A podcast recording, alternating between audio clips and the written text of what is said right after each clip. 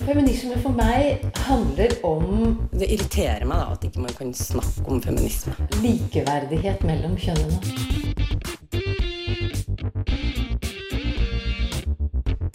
Det blikket på kvinnen på film. handlet det om å bli tatt på alvor som jente.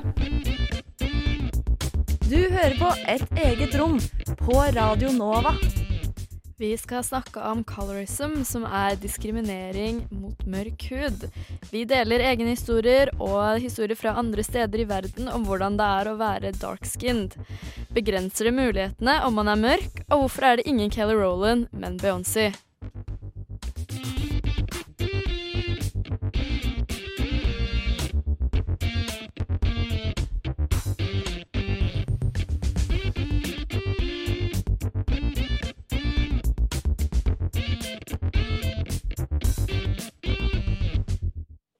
God mandagsmorgen eh, av hele Oslo. Eh, Jeg heter Nintu Paramalingam, og jeg er her i studio sammen med Anne Marie Sunde. Går det bra med deg i dag? Det gjør det. Ferdig med masteroppgave og alt? Ferdig med master og alt, så nå har jeg ferie. Og det er litt spesielt, men også veldig digg. Ja, gratulerer masse med det. Takk. Og så i dag så skal vi jo snakke om et tema som eh, er ganske personlig for oss. Eh, både jeg og Anne Marie er jo mørke i huden. Eh, foreldrene mine er eh, tamiler fra Sri Lanka, og vi har jo alle, vi har begge opplevd litt av hvert av colorism. eh, Som, det, som er da fordommer eller diskriminering mot individer med mørk hud, og da som regel blant folk med samme etnisitet. Ja. For det jeg har opplevd av colorism, er jo da som regel fra min egen familie. Ja. Eh, som for eksempel Eller sånn vokst opp med eh, reklamer på eh, altså, produkter da, som skal gjøre huset ditt lysere, eller å høre at altså, når eh, jeg har et eh, lyst søskenbarn, så er, får det lyse søskenbarnet mitt masse kjærlighet. Jeg blir liksom kalt sånn 'Å, lille lyse baby', og 'du er så søt', og 'du er så lys', og liksom sånne ting, da. Har du opplevd eh, sånne ting fra de rundt deg? Ja, altså Jeg syns jo egentlig det var litt digg da når jeg oppdaga liksom ordet colorism, for det er jo et ord som jeg egentlig ikke har oppdaga ganske nylig. Og det var litt sånn my god, det fins et ord på litt forskjellige ting som jeg faktisk har opplevd, da. Og nå skal det jo sies at jeg er jo adoptert, så jeg har jo ikke opplevd så mye sånn fra familie per se, for alle i min familie er jo hvit. Eh, sånn at det er jo eh, ikke på samme måte, men definitivt opplevd det at på en måte hudfarge har spilt en rolle, da, utover liksom eh, rase eller etnisitet, på en måte. Men at det har faktisk vært ting som går spesifikt på hudfargen, da. Mm. Ja, fordi dette er jo en, det er jo noe annet enn rasisme. Det skal vi jo snakke mer om etterpå. Eh, men eh, fordi altså Mørke Altså, vi kommer jo Det er vanskelig å finne de riktige begrepene på dette, og colorism er jo et veldig nytt eh, begrep i seg selv. Mm. Eh, og det er ingenting som liksom er skrevet om det på norsk og sånn, så vi bruker litt sånn engelske, engelske ord, sånn som light skin og dark skin, og da mener vi da light skin eh, som allerede er mørk, men light skinned mørk, versus dark skinned mørk, hvis det gir mening. Men eh, ja, så det er liksom de forskjellene man opplever der, da. Eh, og sånn, altså Selv om du er light skin, så kommer du til å oppleve rasisme. Du Ja. kommer til å gå under samme kam som alle andre. liksom. Benjamin Hansen blir jo drept bare fordi han er uh, liksom litt mørk, men han er fortsatt lys, ikke sant. Så det, er jo, det er jo det, men så er det dette med når man opplever denne fordommen basert på hudtonen din, da. Uh, som ja, vi skal snakke mer om. Først skal vi høre på et innslag om colorism i England. My two best friends are much lighter than me, right? So I have been standing next to my friends and people have literally not said hello to me. People literally ignore dark skinned women.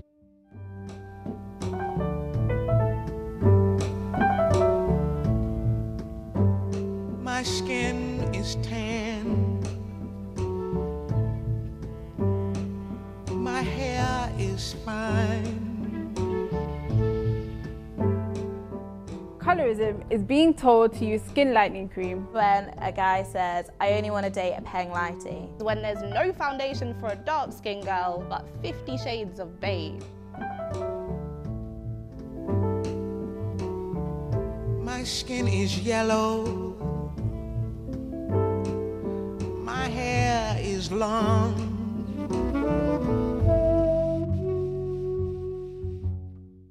The lighter you are and the more polished you look Mm-hmm. is definitely associated with with you know more money.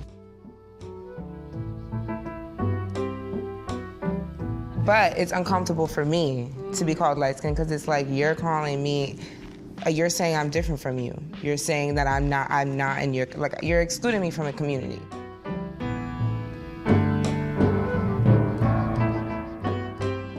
But I'm also sometimes offended when people on the color spectrum would question my um, sort of commitment to the race. My skin is black. My arms are long.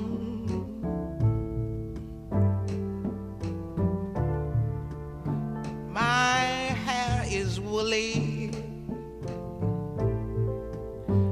My back is strong. Du hører på Et eget rom.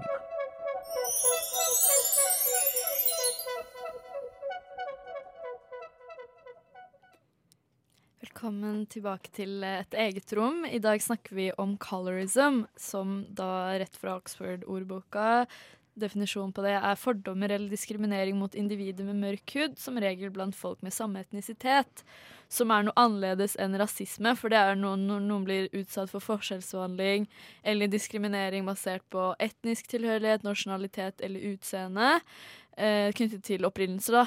Men eh, nå snakker vi om eh, dette med hudfarge, eh, som jeg tenker er eh, Det er jo en del av rasisme. Det er jo kanskje, kanskje en konsekvens av den, eh, kan man si. Og ja, hvorfor tenker du at det er viktig at vi kan snakke om dette også? Du vet du hva, jeg tenker at det er viktig fordi at um, når man begynner å åpne litt øynene da, og se etter rundt omkring og sånn, så innser man egentlig hvor skjevt ting er. At sånn de fleste av dem man ser rundt seg, er på en måte light-skinned eh, mørkt, da. Enten det er liksom eh, media eller film eller TV eller sånn. Og da tror jeg at også For jeg er jo ganske lys, sant. Jeg er jo light-skinned til å være mørk. Eh, Så jeg har jo liksom sånn egentlig ikke tenkt så mye over at det kan være folk som er enda mørkere enn meg, da, som har enda mer utfordringer eller blir, har enda mer fordommer blir enda mer diskriminert kun fordi de har en enda mørkere hud enn det jeg har. For jeg har også vært en av dem som har tenkt liksom sånn jo, jo, men mørk er mørk. Vi er alle i samme båt, på en måte. Eh, vi alle blir utsatt for rasisme, og det er det. Men det er så mange eh, ulike typer rasisme og diskriminering da, på en måte, som man kan bli utsatt for. Og det er vitenskapelig vist at det er forskjeller mellom om du er si, light-skinned eller dark-skinned. da. Altså sånn alt fra diskriminering i arbeidslivet til altså hva vi leste, at i USA så får du ofte lengre dommer, liksom, hvis du er mørk, da, altså dark-skinned i forhold til light-skinned. Så det er jo definitivt noe som er veldig reelt, da, og som Ja. er veldig utfordrende for folk sin hverdag. Og det er derfor det er viktig. Ja, og så mens jeg drev med research, så fikk jeg jo lese at det er en del aktivister som eh, snakker om dette, som opplever det at de blir kalt eh, altså illojale mot saken, eller mot kampen mot rasisme, da. Ja. At det at de vil ta et oppgjør med dette, for eksempel. Altså, fordi det er det, det, det er som regel eh, Man møter på, kanskje på dette innad sine egne communities, innad sin egen familie, at det er så internalisert. Og da er det jo enda vanskeligere å se det og finne språk for det. Eh, og så da i tillegg så blir du Altså sier de at ja, men da bryr du deg ikke om eh, kampen mot rasisme da, på et overordnet nivå, men jeg tenker at dette er jo en del av det, så vi må jo løfte frem flere aspekter eh, ved rasisme også, da. Mm. Og eh, det, vi er jo et feministisk program, og det at vi kan eh, snakke om hvordan erfaringene til alle kvinner er, da. Og da nå i denne sendingen blir det jo da mest kvinner med mørk hud. Hva, hva, de, hva slags utfordringer de må møte på. Eh, og deres erfaringer, og det var så fint å kunne lese eller sånn historier eh, fra andre kvinner. For eh, dette er noe jeg har liksom kjent på siden jeg var ung. da. Sånn, OK, hvit hud er penere enn eh, mørk hud. Liksom. Jeg husker jeg så tanta mi for første gang på etter elleve år, og hun var sånn Å, jeg husker forrige gang jeg så deg, så var du mye lysere og vakrere, men nå er du mørk. Og så er det sånn OK, dere ser på på 11 år, er det det første du skal Ja. si til meg? da? Altså, jeg var 14 år, da påvirker det hva du tenker om deg selv. Ja, eh, altså- men og det, også det å vite at dette er ikke bare meg, dette er eh, veldig mange andre kvinner, dette er flere land. Eh, det er en industri som tjener på dette i veldig mange land. Og ja, det, det gjør at det er enklere å liksom kan gjøre noe med, da. Ja, man har jo gjort det til eh, en struktur, ikke sant. Det, sånn, det har gått over til å bli et strukturelt problem. At du har jo hele bedrifter, eh, altså grupper mennesker på liksom strukturelle nivå da, som både tjener på at det her eksisterer, ikke sant? sånn som vi skal innom etterpå, at du har blekingsprodukter i hytt og pine, liksom. Og det andre er jo at det er jo et globalt problem. At det er litt sånn, ja, det er ulikt hvordan kvinner skal si, og hvordan mennesker som blir utsatt for det, men my god, det her skjer faktisk over hele verden. And I kid you not, det er faktisk hele verden, liksom. Så da gjør det jo at det er veldig mange mennesker som har blitt utsatt for det her, uten at man egentlig har sett kanskje helt at det er felles, at det er det som skjer, da. Mm, ja, vi skal eh, eh, få høre mer om dette, om hva slags problem det er i verden. Eh, Linda har laget et eh, eh, lite bidrag til sendinga om bleking av hud rundt om i verden.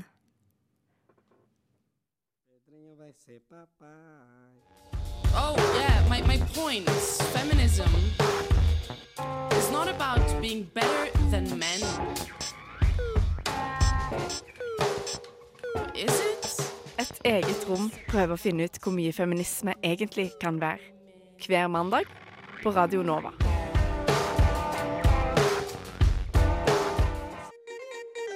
भैया फिर से मेरी सारी face cream खत्म कर दी मर्द होकर लड़कियों वाली cream det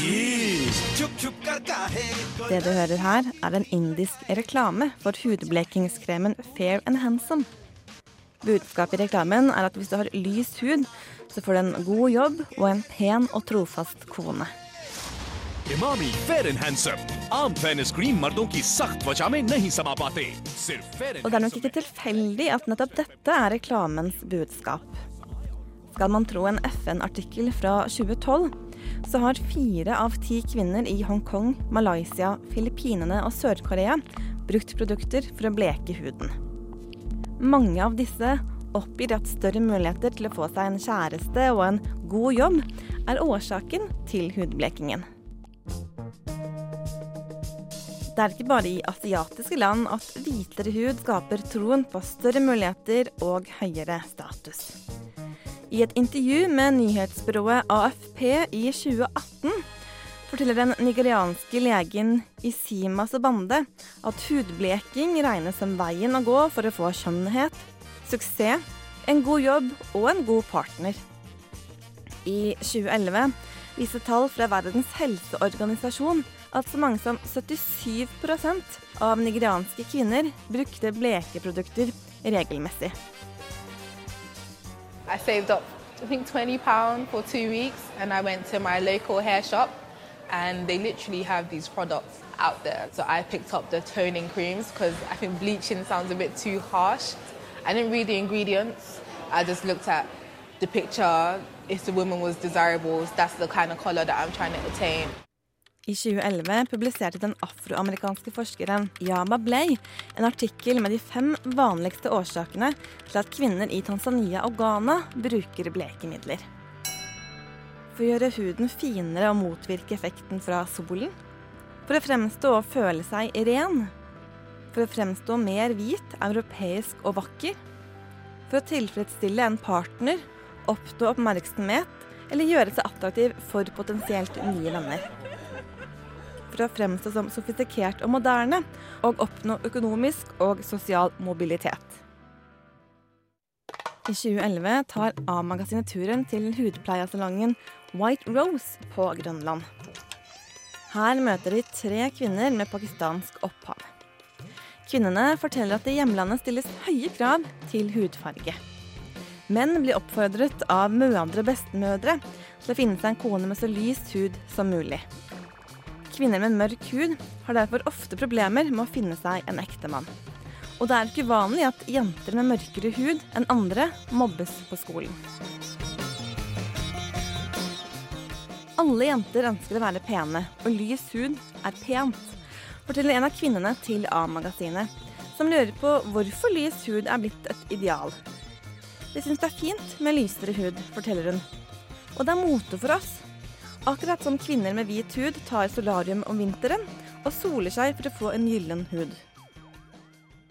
I used to just look at my skin as like really dirty and really ugly. My mum bleached her skin. I had family around me that bleached their skin. I had family around me that also didn't. I was quite young. I was about 16, and um, it was just because my mum uses those creams, so I just went down the hall and I put them on. I just wanted to fit in like all the other kids, and I wanted to be desirable. Blekemiddelindustrien er blitt big business. For noen år siden ble det estimert at indere alene brukte 233 tonn blekemiddel i året. Det gir penger. I 2017 var den globale blekemiddelindustrien verdt 4,8 milliarder amerikanske dollar. Og det er ventet at tallet vil øke til 8,9 milliarder i 2027 pga. en voksende middelklasse i Asia og landene i Stillehavet.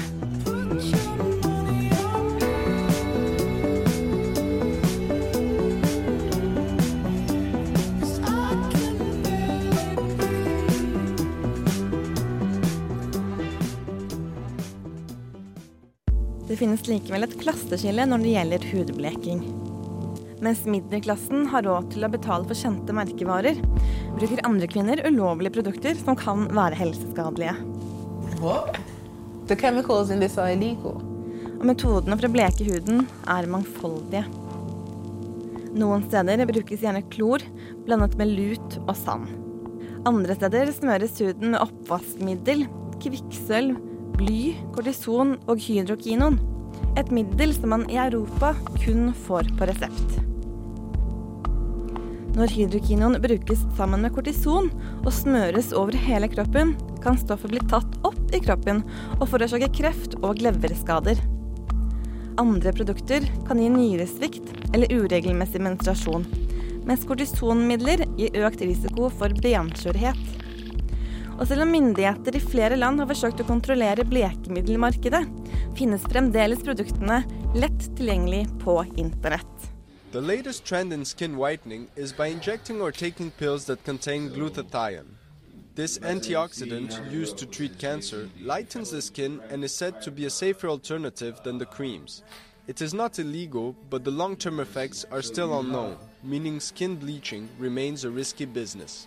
Det er ikke bare som blir har i advart gravide kvinner mot å ta bestemte piller for å bleke huden til ufødte barnet. Årsaken er at pillene kan gi alvorlige bivirkninger hos fosteret. Og på helsesøster i Lagos i Nigeria så har hudlege tatt imot spedbarn som ikke er eldre enn to måneder gamle, fordi mødrene har forsøkt å bleke barnas hud.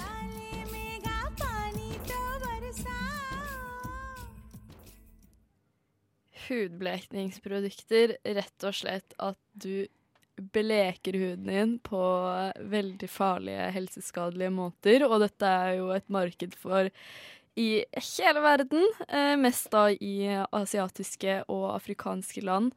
Og der altså flere bil, altså Vi snakker om eh, et marked som har vært uh, opptil 20 billioner kroner, eller skal det i løpet av neste, neste århundre, da.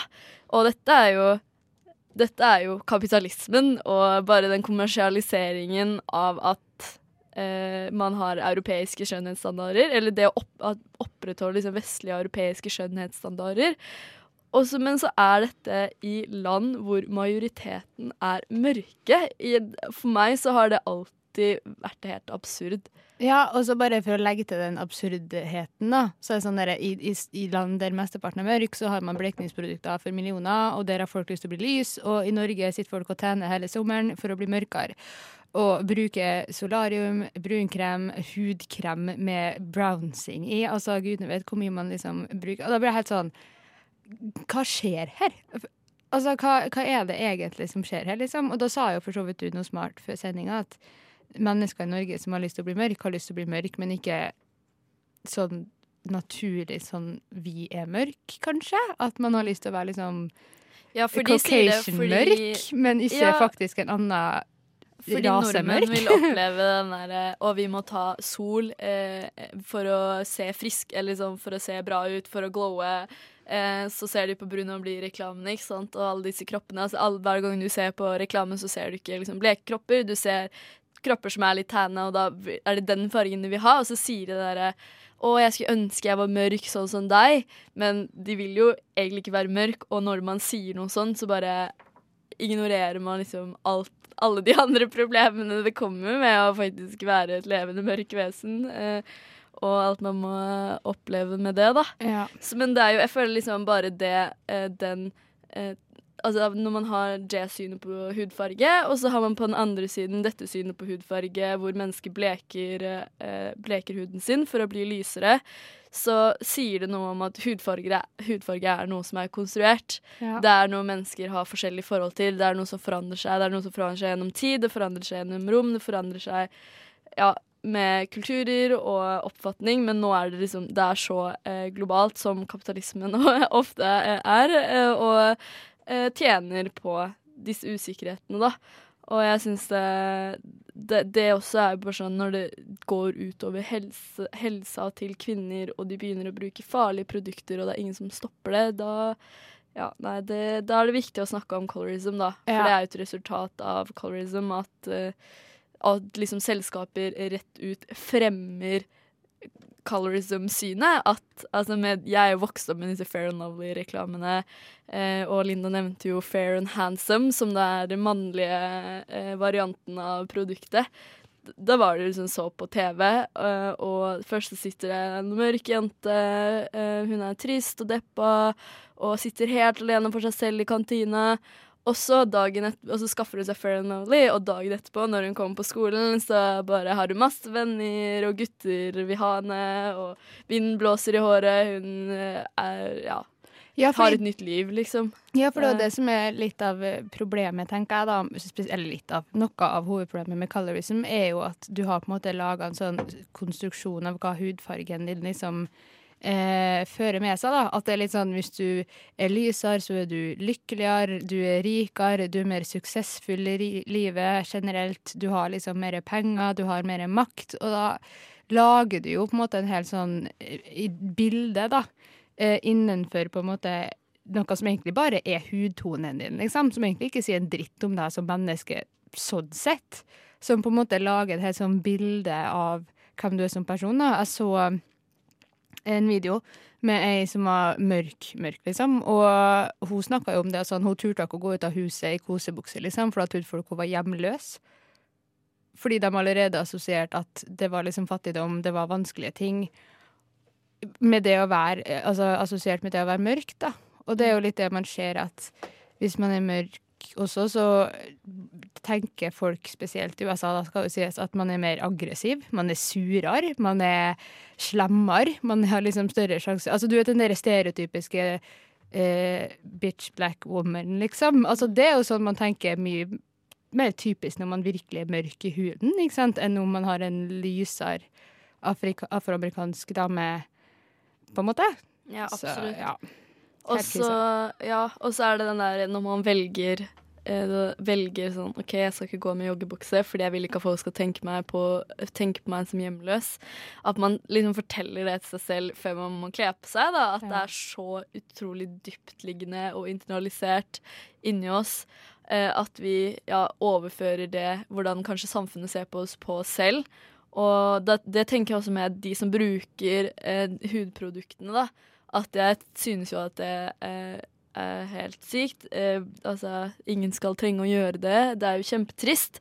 Men jeg skal ikke gå til de damene som gjør det og si er du helt syk i hodet, hvorfor gjør du det? Eh, men at de også har, blir utsatt for den rasismen som de også har lagt så dypt inni seg at de ikke skjønner Altså at de ikke kan se at eh, hudfarge er nydelig uansett. da, At man er nydelig uansett og man skal ha de samme mulighetene, men så har man jo ikke det. Fordi man Mm. blir jo ikke sett på den måten, selv om du selv kan være sånn eh, Jeg er mørk og vakker, så vil kanskje ikke andre mennesker se, det. Så går du på familiemiddaget, og så får du den kommentaren bare sånn Ja, har du vært for lenge ute i sola nå, liksom? Eller ja.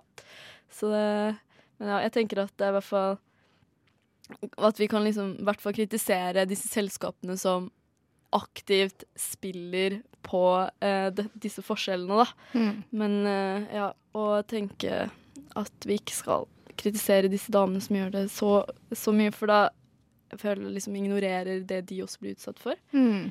Du som er sliten og sinna og lei.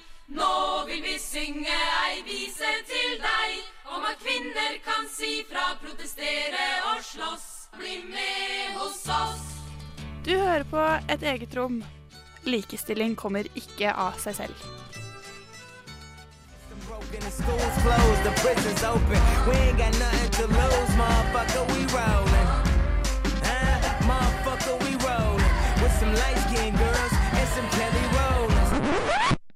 I'm sorry, schools Erica Campbell's husband, Warren Campbell, he is a well known producer and songwriter, and he also owns a record label called My Block. And he tries to break in new artists in the industry. Now, he revealed that it's harder to break dark skinned artists. They know that colorism is a huge factor in the music industry, especially among women. Jermaine Dupree, who was the owner of So So Def Records, he has worked with a lot of other label executives and he knows the conversations that go on. And he even revealed that colorism is a real thing. You still should be prepared for because it's those are the quiet conversations that's out here. You know what I mean? Like the dark skinned female singer still is having a hard time in the music business. Mm-hmm. You know what I mean? That's that's still out here. And however people want to look at it, whatever they want to say, that's still, you know, it's not the thing that people jump across the table immediately when they see a dark skinned girl. When I had Dondria, it was like, mm, she can sing, but you know, Escape was called ugly for ten years. Calling and trying, but you stay right, girl. And when he get on, he leave your ass for a Hva faen, er du homo? Ikke homo. Jo, kanskje jeg er litt homo, da, men Du hører på Et eget rom på Radio Nova.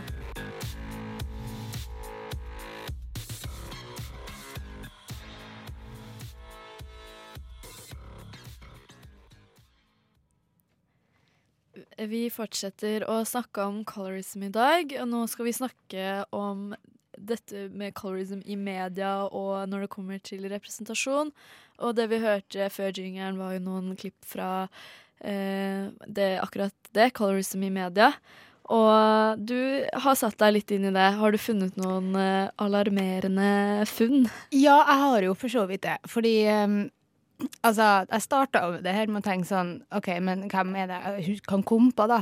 Som er liksom sånn mørk eh, i media, både musikk og film og TV og sånne ting. Og det er overraskende få, folkens. Fordi sånn for eksempel i film, da, så er det sånn helt sær dem jeg kommer på som er sånn A-list superstjerne i Hollywood, som er mørk, som er kvinner, er liksom Lupita Nyong'o, Viola Davis og kanskje Oprah. Og det er faktisk det. Altså, please, rett meg hvis at man Ja, kommer Idris Elba nevnte det, han. Ja, men det er jo menn, ikke sant? Ja. Blant mennene så er det faktisk flere. Det er ganske mange flere eh, av dem som er faktisk mørke. Altså, du har mange komikere og sånn, ikke sant? Og som Kevin Hart og sånn. Altså, der er det folk eh, innen alle, alle sjangre, men spesielt blant kvinner så er det helt alarmerende få. Og, Ja, men eh, jeg leste jo også det at når, for, når man skal liksom caste til noe, For eksempel når man skulle, Det jeg sendte deg her om dagen, Mm. man skulle caste til uh, Straight Outta Compton, så hadde de en sånn liste eh, som var sånn A-girls til D-girls gikk liksom, det var spektrumet, da. Og A-girls var da liksom mixed race girls, middle eastern girls, light skin girls, eh, som da som kunne spille eh, de attraktive damene. Mens D-girls var de som skulle spille de mer fattigere damene. Og da var liksom en av beskrivelsene var at de skulle være dark skinned, og da sier du sånn OK, når du til og med caster etter det, så si Altså, da får jo ikke eh, damer med mørk hud som kan være kjempetalentfulle, de hovedrollene, da. Mm. Og det er også i, eh, i Hollywood tilsvarende i, på tamil, som heter Tollywood, så er det jo det, og du ser ikke eneste eh, kvinnelige hovedkarakter med mørk hud. Mennene kan se ut som alt mulig, liksom. De kan være eh, se ut som 50 år gamle onkelen din, eller være tjukk eller tynn eller mørk eller lys, men dama er alltid et sett med skjønnhetsidealer eh, som alltid er gjennomgående, da. Ja. Og det, det bare Ja, det, det er så tydelig, eh, og da så skal man liksom vokse opp med dette og bare se lyse damer Mm. eh, som blir fremstilt som Fordi det er jo de som blir fremstilt som helten, og det er de som blir fremstilt som vakre, da. Ja. Også de som skal spille eh, de andre rollene skal være mørke, så påvirker det hvordan vi Ja, men det er jo samme i i. Ja, for det er jo samme i musikkindustrien òg, liksom. At hvis man begynner å tenke over det, så ser alle ut som Beyoncé. Eller sånn i hudtone-type ting, da. Altså Beyoncé, Rihanna, Nicki Minaj, Cardi B. Hele den gjengen er jo light-skinned, selv om de er på en måte eh, mørke, da. Afroamerikanere, på en måte. Og da eh, sier det jo et eller annet om sånn Selvfølgelig, Beyoncé er queen og drittalentfull, my god, ikke for å hakke ned på henne i det hele tatt, men hvorfor ble hun så jækla populær, da, og Kelly Rowland forsvant, for eksempel?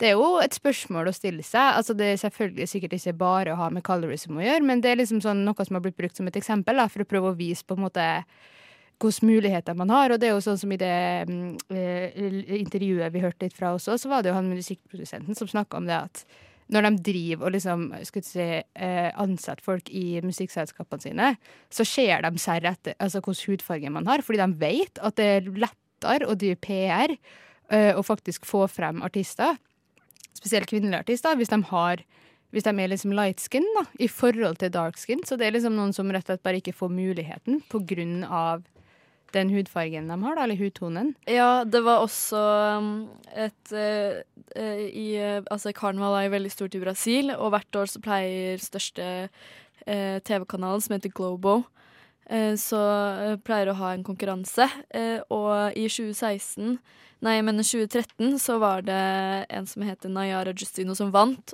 og hun mista den prisen fordi de, de sa rett ut at Altså, de, sa, de bare ringte henne og var sånn Nei, du får ikke eh, være med. Og hun fikk masse, eh, masse dritt gjennom hele den konkurransen. Hun ble liksom kalt eh, for mørk og ja.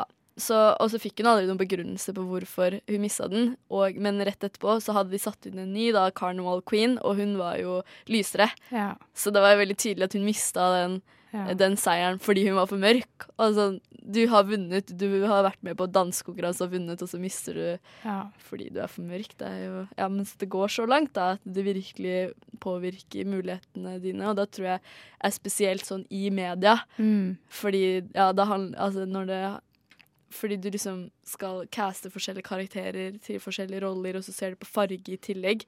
Så uh, at det går så mye ut på utseendet, og det at du skal ha mer eh, eh, vestlige skjønnhetstrekk, da. Ja. Så Ja, pluss at det skal jo også sies at norske medier er ikke noe bedre på det her, uten at vi trenger å gå sånn superdypt inn i det, men det er ikke akkurat så veldig mye å skryte av der heller. Så dagens oppgave, se etter det neste gang du sitter og glaner på TV-skjermen, hvor mange av eh, eh, hva heter det, programledere, film, folk i norske filmer etc., etc., som for det første ikke er hvit, og for det andre er mørk. for det er ikke mange, altså. Nei, det er ikke det. Nei. feminist, a person who believes in the social, political, and economic equality of the sexes. Eget rom. Et eget rom. Et eget rom. Et eget rom. Et eget rom.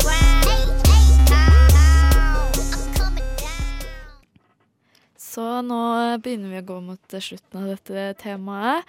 Men uh, har du lyst til å fortelle en historie, Marie, om colorism, noe du har opplevd? eh? Ja, fordi altså, det er jo per se ikke min historie, det er egentlig mamma sin historie, men eh, den er veldig telling over hvor helt ærlig fucka verden er. Uh, fordi for sånn typ 20 år siden nå, da, så var jo mamma og pappa og henta meg i Etiopia, ikke sant, for de er adoptert.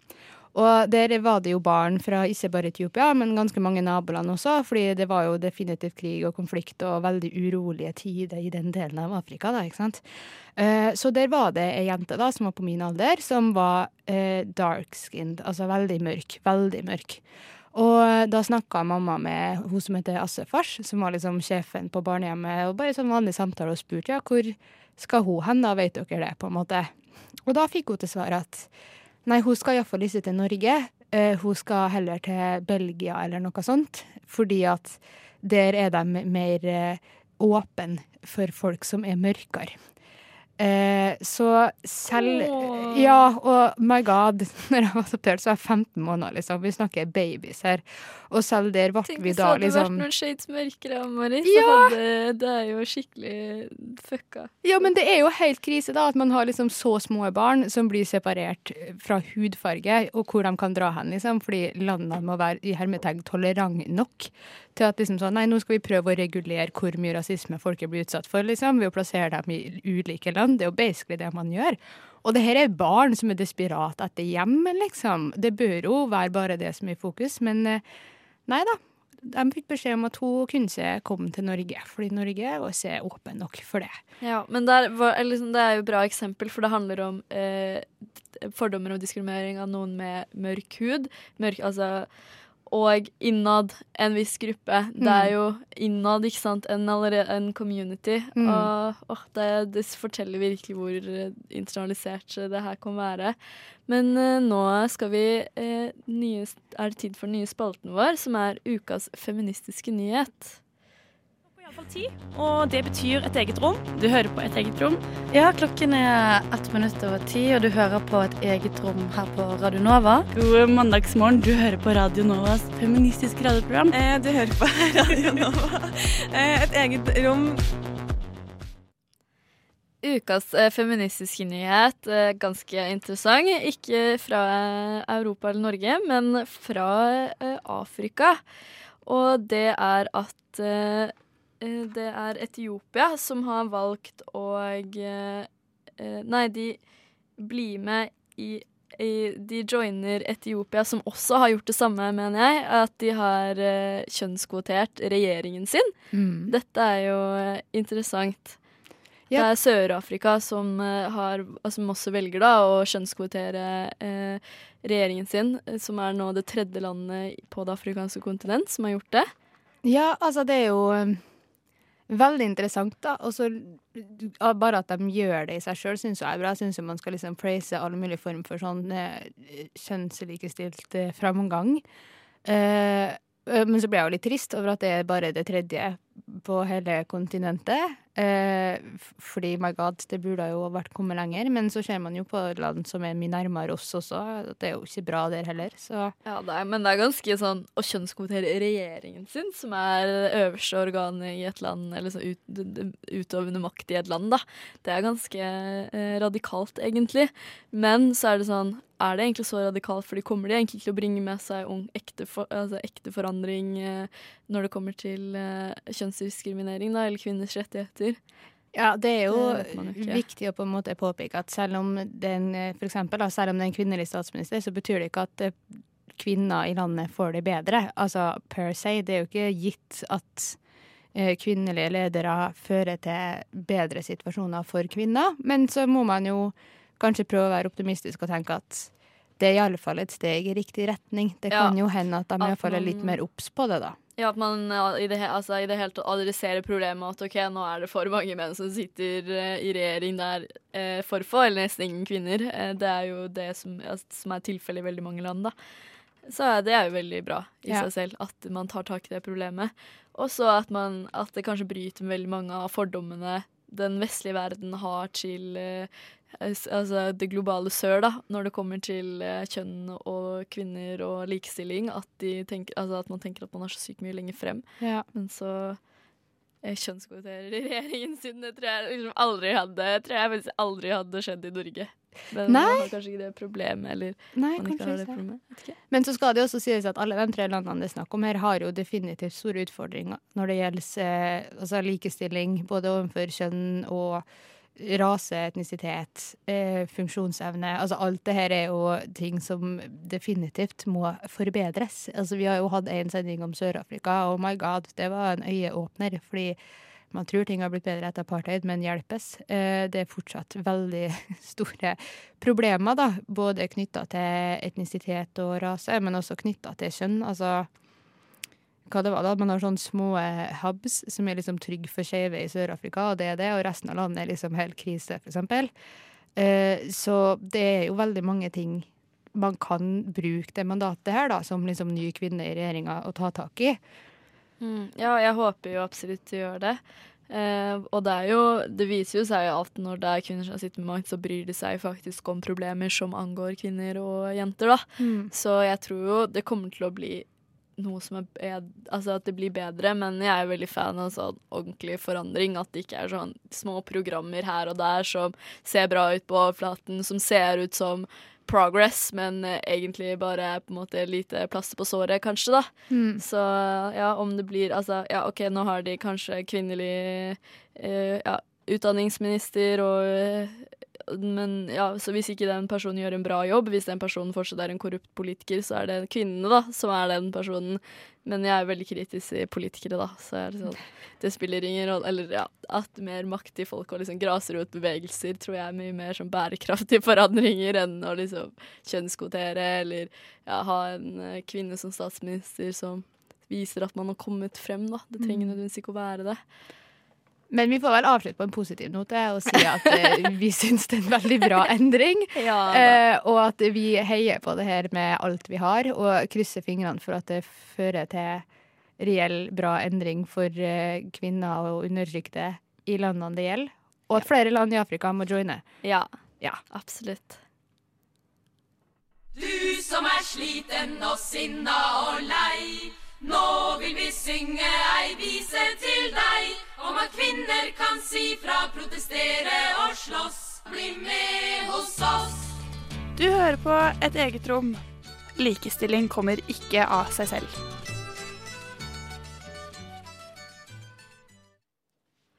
Så i denne sendingen så har vi snakket om colorism. Vi har snakket om det skillet mellom colorism og rasisme, og hudblekningsprodukter og colorism i media. Så det vel liksom de tre hovedtemaene vi har holdt oss til, da. Mm. Men eh, ja, og vi håper jo at uh, dette har vært en grei sending, selv om det har vært et litt annet format. Men siden dette var et uh, tema som er- var ganske personlig, da, at det, hadde vært, at det er fint å kunne dele litt erfaringer. Ja, enig. Jeg tenker, altså Det å fortelle historier da gjør jo ting litt virkelig. Eh, og det er fint å på en måte ha en plass der man kan både fortelle historier, men også høre historier. For jeg tenker at det er jo kanskje lettest å forstå hva det egentlig handler om når man hører historier fra hverdagen. Altså, Det er fint å definere et begrep, men det blir jo fort høyt og svevende og litt sånn Hva er egentlig det her i hverdagen, da? Mm. Så det er veldig nice. Ja, og det er sånn Ja, jeg har fått eh, kommentarer på hudfargen min så ofte når jeg var i For det er veldig interessant, for jeg liksom jeg har, Nå har jeg, har jeg et forhold til Sri Lanka, for nå har vi vært der en del. Eh, oppvokst i Norge. Men så var jeg i Brasil eh, i fjor, og det er jo et land som har masse altså mennesker med alle mulige slags eh, farger, for de har jo hatt innvandring eh, fra eh, mange kanter av verden, da. Men altså, husker jeg når vi satt i en vertsfamilie, og da var jeg jo med eh, ni andre nordmenn. Så var det meg og to andre da, som jeg var på den utvekslingshavnen med. Satt i en vertsfamilie, og så eh, sa, sier hun sånn 'Å ja, dattera mi er også lys, like lys som det er. Hun er kjempevakker.' Og så ser hun på meg 'Men du er også vakker', da. Ja. Så etter å ha sagt om hvor lys og vakker de andre var. Eller sånn, høre sånne kommentarer og oppleve det at det er så omfattende. Det er i hele verden. Du kan liksom ta ti timer fly, og så møter du på den samme holdningen om at lys hud er finest, da. Ja. Men eh, ja, nei, det, takk for sendingen. Syns det har vært veldig fint å kunne snakke om dette og løfte frem eh, erfaringer eh, eh, fra andre Eller som eh, andre kvinner også møter på, da. Mm. Så tusen takk til deg, Anne Marie Sunde, og Magnus Tune, som har vært tekniker i dag. Så blir jo egentlig dette Jeg skal jo tilbake til, eh, til Brasil nå på utveksling, så da blir det her kanskje min siste sending Ja. før jeg kommer tilbake. Nei, takk for meg. Du har hørt på et eget rom.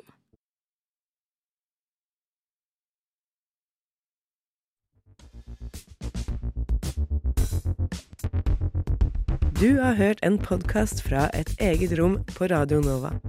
Vil du høre mer? Sjekk ut Et eget rom på Facebook, Instagram eller radionova.no.